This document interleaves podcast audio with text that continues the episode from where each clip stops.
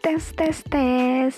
Bismillahirrahmanirrahim. Assalamualaikum warahmatullahi wabarakatuh. Salam sejahtera untuk kita semua. Mudah-mudahan teman-teman selalu dalam lindungan Tuhan Yang Maha Esa. Hai, kembali lagi dengan podcastnya Anak Muda Berkreasi dengan saya Sekar Ayu Utami. Gimana nih kabar dari teman-teman semua? Sehat kan? Pada kesempatan kali ini, Sekar akan menyajikan sederet informasi dengan podcast berjudul Kok Nyampah? Hmm, wow, dari judulnya aja udah bikin penasaran kan? Maka dari itu, teman-teman tetap stay tune di podcastnya Anak Muda Berkreasi dengan Sekar Ayu Utami. Nah, Sekar akan memutarkan satu lagu yang menarik nih. Selamat mendengarkan.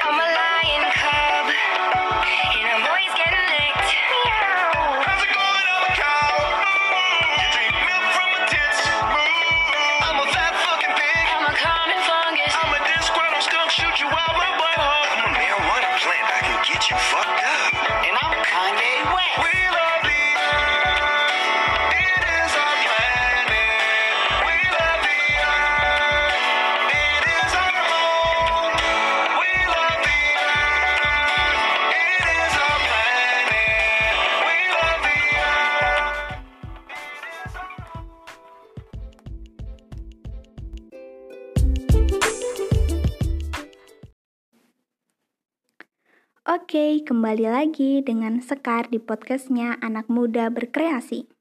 Gimana nih tadi lagunya? Keren banget kan? Sekar akan nyanyiin satu part yang memang Sekar suka. We love the earth, it is your planet. We love the earth, it is your home. Nah, itu tuh part yang memang Sekar suka. Tahu nggak sih teman-teman, lagu itu tuh menceritakan tentang keadaan bumi yang penuh dengan polusi, pemanasan global, dan peperangan. Intinya, lagu ini mengajak kita untuk cinta kepada bumi. Seperti kita ketahui, bumi merupakan rumah kita. Sudah sewajibnya kita sebagai penduduk menjaga rumah kita. Oke, untuk kesempatan kali ini, Sekar akan mereview nih beberapa movie yang berkaitan dengan nyampah. Langsung saja ke yang pertama, ada trailer dari The Story of Plastic. Nah, teman-teman, dari trailer tersebut, Sekar melihat begitu banyak plastik yang ada di lautan. Keadaan laut di dunia dipenuhi oleh sampah. Dari trailer tersebut, ternyata 32% kemasan plastik akhirnya mengotori lingkungan. Angka yang tidak sedikit ya, mengingat sampah merupakan benda yang tidak dapat terurai. Jika terus-terusan plastik itu mengotori lingkungan, pasti keseimbangan dari lingkungan akan terganggu. Nah, teman-teman tahu nggak sih, ternyata 8 juta matrik ton sampah itu dibuang ke lautan setiap tahunnya. Bisa kita bayangkan, satu tahun, dua tahun, tiga tahun, akan seperti apa sampah itu? Sampah akan semakin menumpuk dan akan mengganggu ikan yang ada di sana. Eh, bukan hanya ikan ya ternyata, tapi kelangsungan biota yang ada di laut. Setiap pihak tentu saja harus ikut serta dalam menjaga lingkungan. Nah, ternyata dari trailer tersebut, beberapa pihak itu memilih pilihan untuk mengatasi sampah plastik ini nih ada 40% menawar membuang sampah di suatu tempat, 14% itu dibakar, 14% didaur ulang. Tapi ternyata teman-teman, cuma 2% aja nih yang didaur ulang secara efektif. Jadi masih ada 12% nih yang kurang efektif dalam melakukan proses daur ulang? Hmm, 12% itu membuat kita berpikir. Nah, ternyata pengolahan sampah khususnya plastik itu sangat sulit ya teman-teman untuk dihilangkan di bumi ini. Sudah semestinya semua pihak dapat berkontribusi untuk menyelesaikan masalah sampah plastik ini. Oh ya, untuk selanjutnya Sekar bahas Sekar bahas mengenai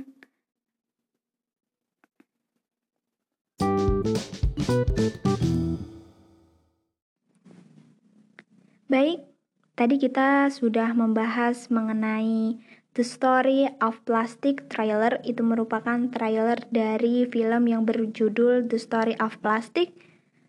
Sangat bagus dan menarik, itu bisa menjadi salah satu rekomendasi nih buat teman-teman yang suka nonton film. Untuk selanjutnya ada dari channel YouTube Greenpeace Indonesia dengan judul Urban Seri 1 Hashtag Nyampah dan host bernama Gustiana Yusuf. Nah, dalam movie ini itu menceritakan tentang bagaimana sampah yang ada di Jakarta. Nah, Kak Gustiana ini datang nih ke TPSP Bantar Gebang. Nah, dari situ bisa kita lihat bahwasannya sampah itu menjulang tinggi seperti gunung. Ternyata 6.000 sampai 7.000 setiap harinya sampah itu masuk nih ke Bantar Gebang atau setara dengan Candi Borobudur yang masuk ke Bantar Gebang setiap dua hari sekali. Wow, sangat fantastis ya teman-teman. Bisa kita bayangkan itu hanya di Jakarta dan sekitarnya loh. Kalau satu Indonesia akan seperti apa nih tumpukan sampah yang ada? Nah, Bantar Gebang itu mempunyai luas tanah 110 hektar dari luas tanah yang begitu besar, itu semuanya sudah menjadi titik untuk pembuangan sampah.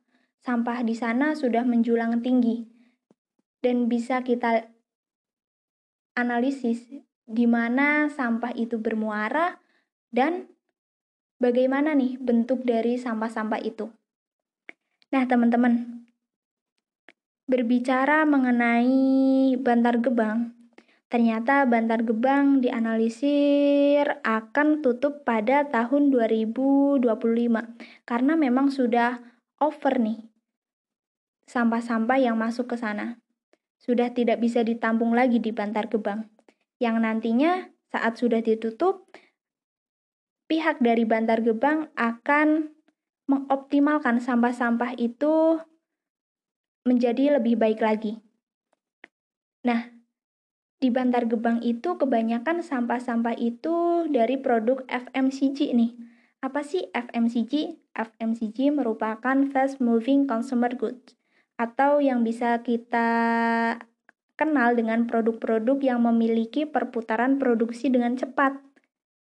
Ini erat loh kaitannya dengan kehidupan kita. Contoh dari FMCG ini dapat berupa peralatan mandi, ada makanan dan minuman. Ternyata di DKI Jakarta itu mengeluarkan salah satu peraturan tepatnya pada 1 Juli 2020 mengenai larangan penggunaan kantong plastik pada pusat perbelanjaan. Jadi orang-orang yang mau belanja itu harus membawa kantong sendiri nih teman-teman kalau di Jakarta. Tapi Kantong plastik memang sudah berkurang, tapi tetap saja ada sampah FMCG ini nih yang tidak bisa terurai dan akan abadi jika tidak diolah dengan baik. Berbicara tentang FMCG nih, ternyata setiap tahunnya FMCG itu perkembangannya pesat di Indonesia. Efeknya Tentu saja, sampah plastik akan semakin banyak. Jika sampah plastik diletakkan di tanah, itu akan mengganggu kesuburan tanah. Jika kita buang di air, pasti akan menyebabkan kebanjiran. Nah, plastik itu juga bermuara nih, teman-teman, ternyata ke laut. Padahal di laut juga tidak dapat terurai, mereka hanya akan menjadi mikroplastik, yaitu plastik yang berukuran kurang dari 5 mili yang akan mengganggu kelangsungan biota yang ada di dalamnya nih. Menurut World Economic Forum dalam The New Plastic Economy Rethinking the Future of the Plastic pada tahun 2050, jumlah mikroplastik di lautan akan lebih banyak daripada ikan. Wow, sangat mengejutkan karena pada dasarnya laut nantinya akan menjadi sumber protein untuk kita saat hutan sudah habis dibabat oleh manusia. Nah, berbicara tentang FNCG tidak mantap kalau kita tidak berbicara tentang regulasi nih, regulasi yang dilakukan pemerintah.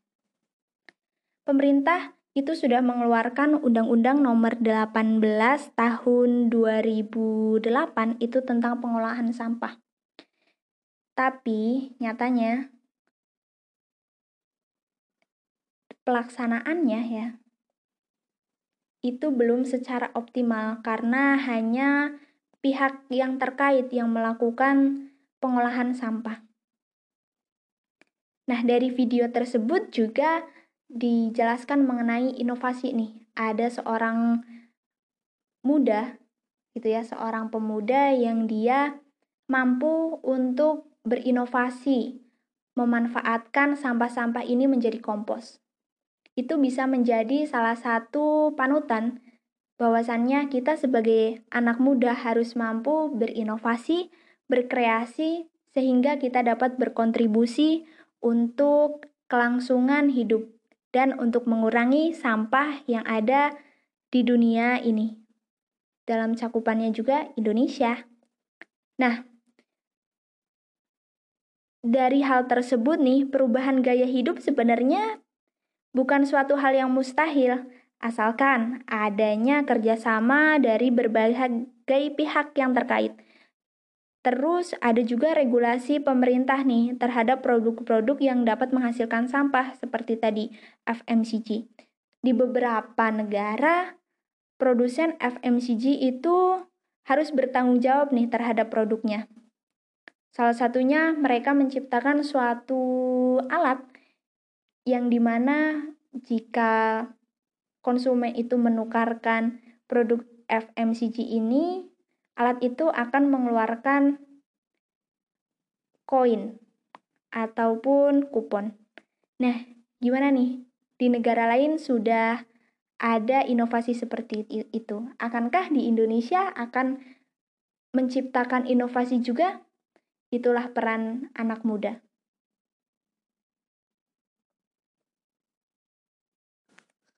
Nah, sebenarnya masih ada dua movie nih yang mau Sekar review.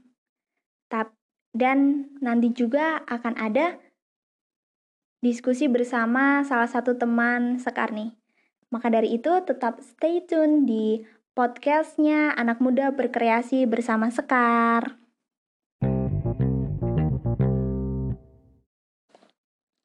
Halo teman-teman, kembali lagi dengan Sekar di podcastnya Anak Muda Berkreasi. Oke, sore hari ini Sekar itu ditemani oleh hujan yang membuat suasana itu lebih syahdu. Teman-teman, tadi kita kan sudah membahas nih tentang dua movie. Yang pertama itu ada The Story of Plastic. Trailer itu merupakan trailer dari movie yang berjudul The Story of Plastic. Yang kedua ada Urban Series 1 hashtag nyampah nih. Nah, Selanjutnya, Sekar itu akan membahas dua movie yang berjudul Wall-E dan ada satu movie yang berjudul Planet of Lands. Nah, sebelum kita masuk ke pembahasan, Sekar ada pu ada satu lagu nih yang akan membuat sore hari ini lebih menyenangkan. Selamat mendengarkan.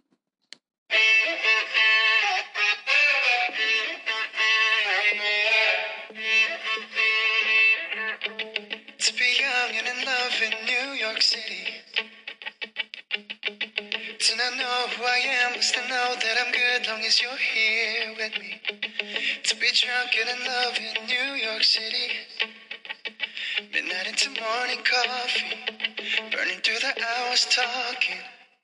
Damn, I like me better when I'm with you. I like me better when I'm with you. Knew from the first time I'd say for a long time Cause I like me better when I like me better when I'm with you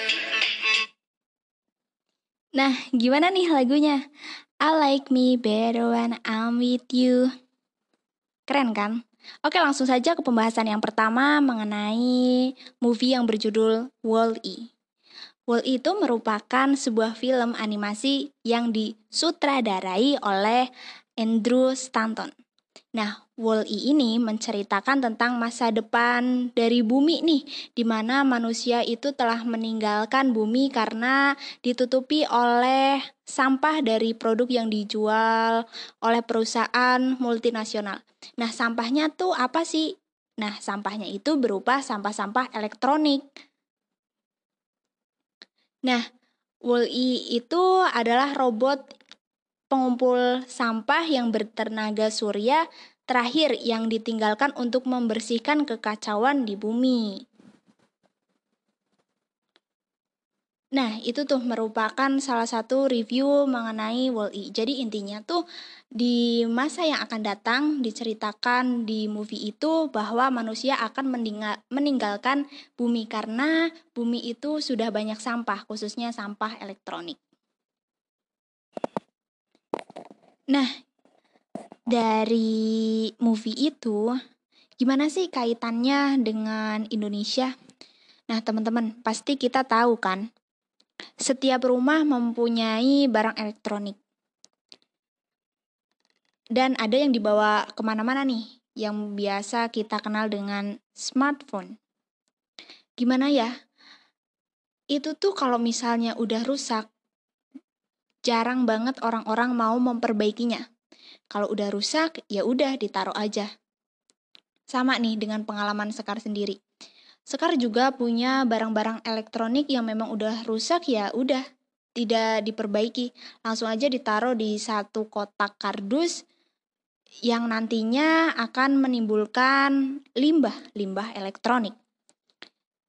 Nah, kalau kita kaitkan dengan tadi di urban nyampah, itu kan banyaknya sampah itu dari produk-produk FMCG. Nah, ini kita beralih ke produk-produk limbah elektronik.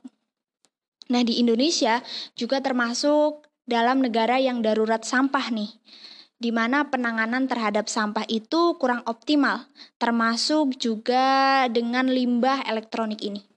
Nah, gimana sih caranya? Itu justru perlu regulasi nih antara pihak yang terkait dengan pemerintah supaya dalam pengoptimalan limbah-limbah ini dapat berjalan dengan efektif. Nah, ternyata teman-teman kita itu punya ketua Yayasan Peduli Sampah Elektronik Indonesia.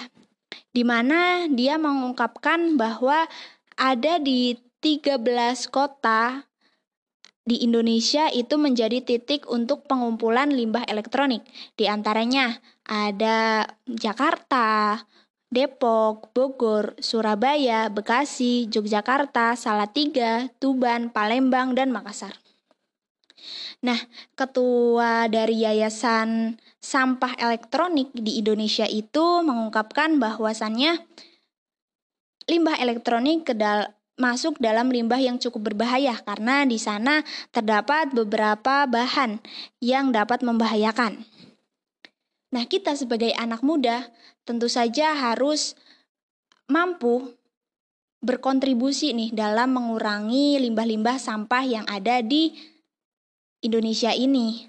Nah, sebenarnya ini ada kaitannya nih dengan video yang selanjutnya yang berjudul Planet of Challenge. Nah, di sini itu mengungkapkan bahwa orang-orang itu harusnya memperbaiki nih, memperbaiki barang-barang elektronik supaya bisa digunakan kembali. Nah, orang-orang itu harusnya memperhatikan saat dia membeli barang-barang elektronik. Bagaimana ketahanan dari barang elektronik itu, bagaimana jangka waktu yang digunakan. Nah, dalam uh, movie itu dijelaskan bahwa di European Parlemen itu menjelaskan menciptakan perusahaan modular nih. Perusahaan modular itu perusahaan yang mencetak kembali barang-barang yang sudah rusak dengan cara mengganti beberapa bagiannya sehingga dapat digunakan lagi. Nah, di Indonesia sebenarnya bisa diterapkan seperti itu, tapi butuh partisipasi dari semua pihak. Nah, di video itu juga mengungkapkan bahwa 77% orang itu akan melakukan atau memperbaikinya. 92% menyetujui tentang berapa lama barang itu akan digunakan. Sehingga orang memilih yang lebih lama.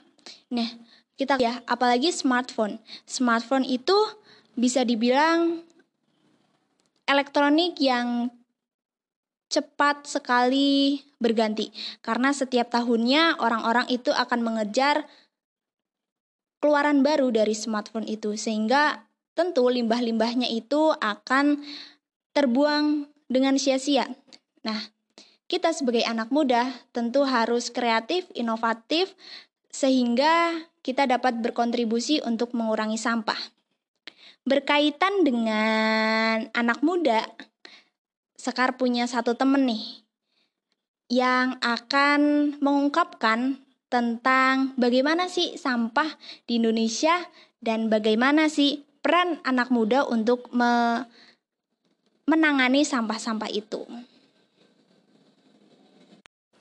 Nah, pasti teman-teman penasaran kan siapa orangnya? Tetap stay tune di podcastnya Anak Muda Berkreasi dengan saya Sekar Ayutami.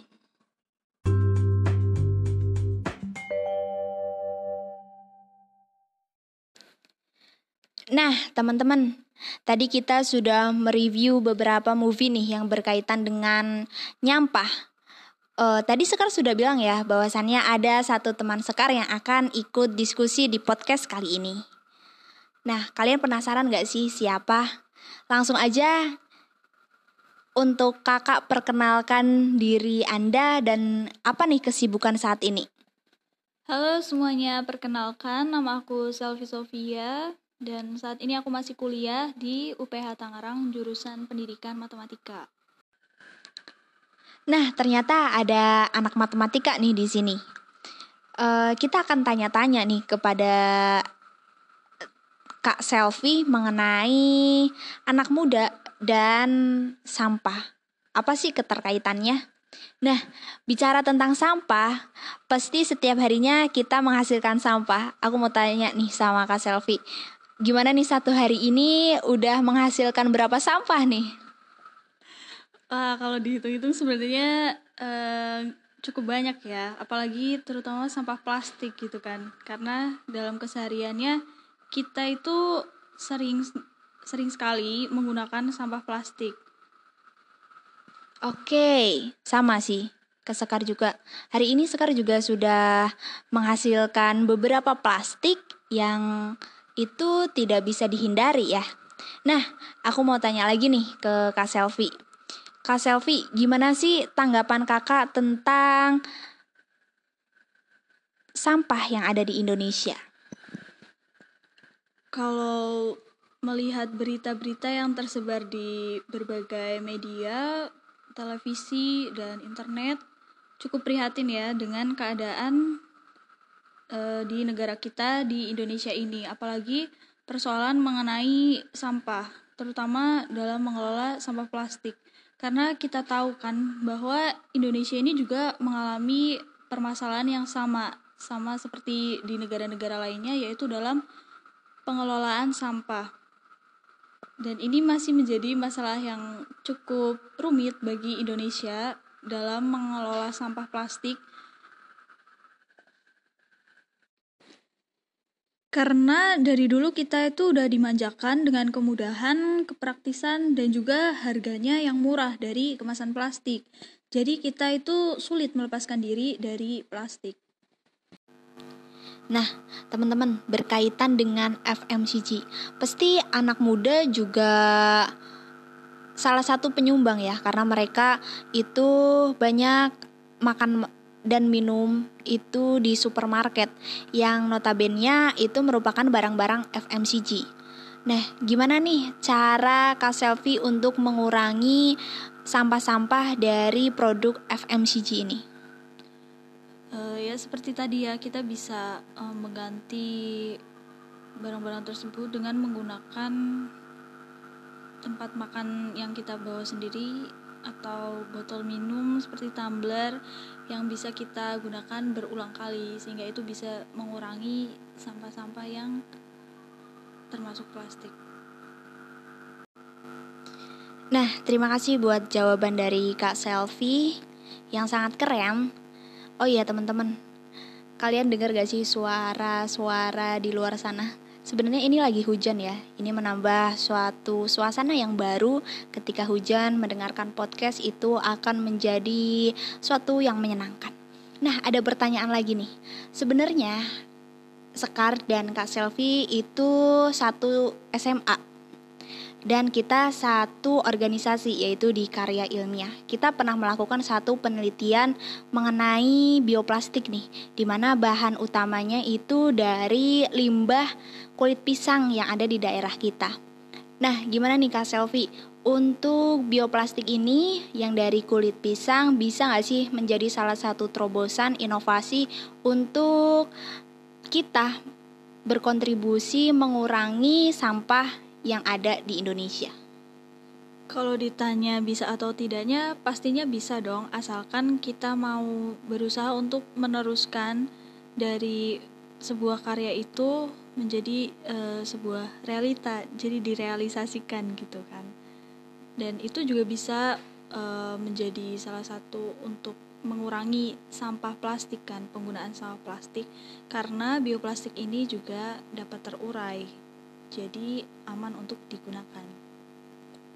Nah, itu tuh penuturan dari Kak Selvi Di mana kita sama-sama meneliti mengenai plastik Bagaimana nih bagusnya plastik uh, Supaya plastik ini dapat terkurang Yaitu salah satunya dengan bioplastik Oke, terima kasih nih uh, buat Kak Selvi yang sudah menyatakan pendapatnya. Itu akan menambah wawasan dan pengetahuan kita. Nah, ada yang ingin Sekar tanyain lagi nih, tadi kita membahas mengenai limbah elektronik. Smartphone atau gadget itu kan masuk ke dalam limbah elektronik. Sekar mau tanya nih, gimana perkembangan smartphone dan gadget itu di tangan Kak Selfie? Seperti kita ketahui ya, dari tahun ke tahun pasti akan selalu ada keluaran baru nih. Nah, biasanya buat Kak Selfie, smartphone yang udah nggak dipakai itu apakah dia diperbaiki atau dibiarkan saja? Kalau untuk aku sendiri, smartphone yang udah nggak terpakai itu kadang biasa ada beberapa yang aku simpen dan sebagian juga ada yang aku kasih ke tempat penampungan limbah elektronik. Nah, tadi dari jawaban Kak Selfie, biasanya Kak Selfie itu ya membiarkan aja nih smartphone yang udah nggak dipakai atau dia kasih ke abang-abang rongsok.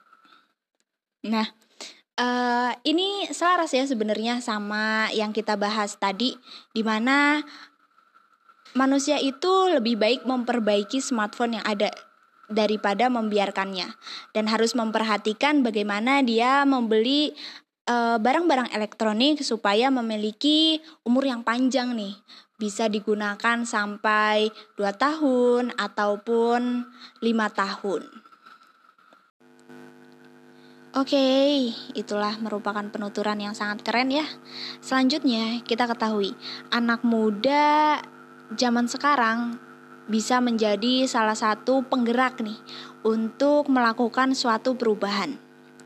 Nah, pertanyaan selanjutnya buat Kak Selvi, gimana sih caranya untuk mengurangi sampah-sampah yang ada? Pastinya untuk mengurangi sampah plastik ya, kita itu bisa uh, mengganti kantong plastik yang kita gunakan untuk berbelanja dengan menggunakan tas yang bisa kita pakai berulang kali.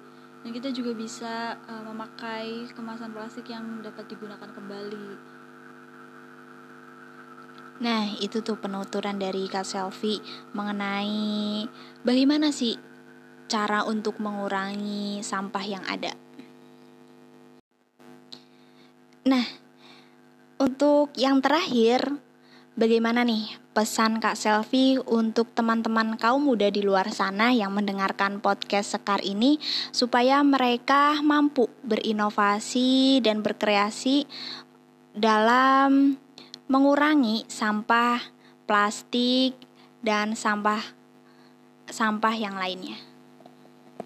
Uh, yang pertama tentunya kita bisa harus memilih memilah memilah sampah ya kan kita bisa menyediakan uh, dua tempat sampah memisahkan antara sampah organik dan anorganik karena itu juga memudahkan uh, para petugas sampah untuk memisahkan sampah tersebut.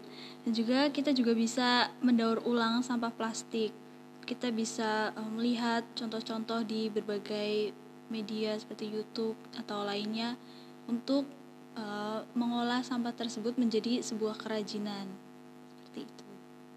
Nah, seperti penuturan Kak Selvi, kita ya sebagai anak muda itu harus pandai-pandai nih dalam mengolah sampah yang ada. Kita bisa berkreasi dengan membuat kerajinan dari sampah-sampah plastik yang memang tidak bisa terurai nih. Nah, untuk yang bisa terurai, kita bisa memanfaatnya memanfaatkannya menjadi sebuah pupuk atau kompos yang nantinya akan bermanfaat untuk tanaman di luar sana. Nah, itu tuh.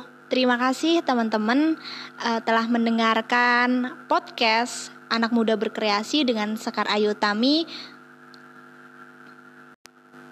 Terima kasih buat teman-teman di luar sana yang telah setia mendengarkan podcast dari Sekar. Mudah-mudahan podcast ini bisa bermanfaat untuk teman-teman semua. Terima kasih atas perhatiannya. Bilahi taufik wal hidayah. Wassalamualaikum warahmatullahi wabarakatuh. Terima kasih Kak Selvi telah menyempatkan waktunya hadir di podcast ini. Oke, terima kasih kembali untuk Sekar Ayu. Ada satu lagu di penutupan. Mudah-mudahan teman-teman suka. Selamat mendengarkan. Bye bye.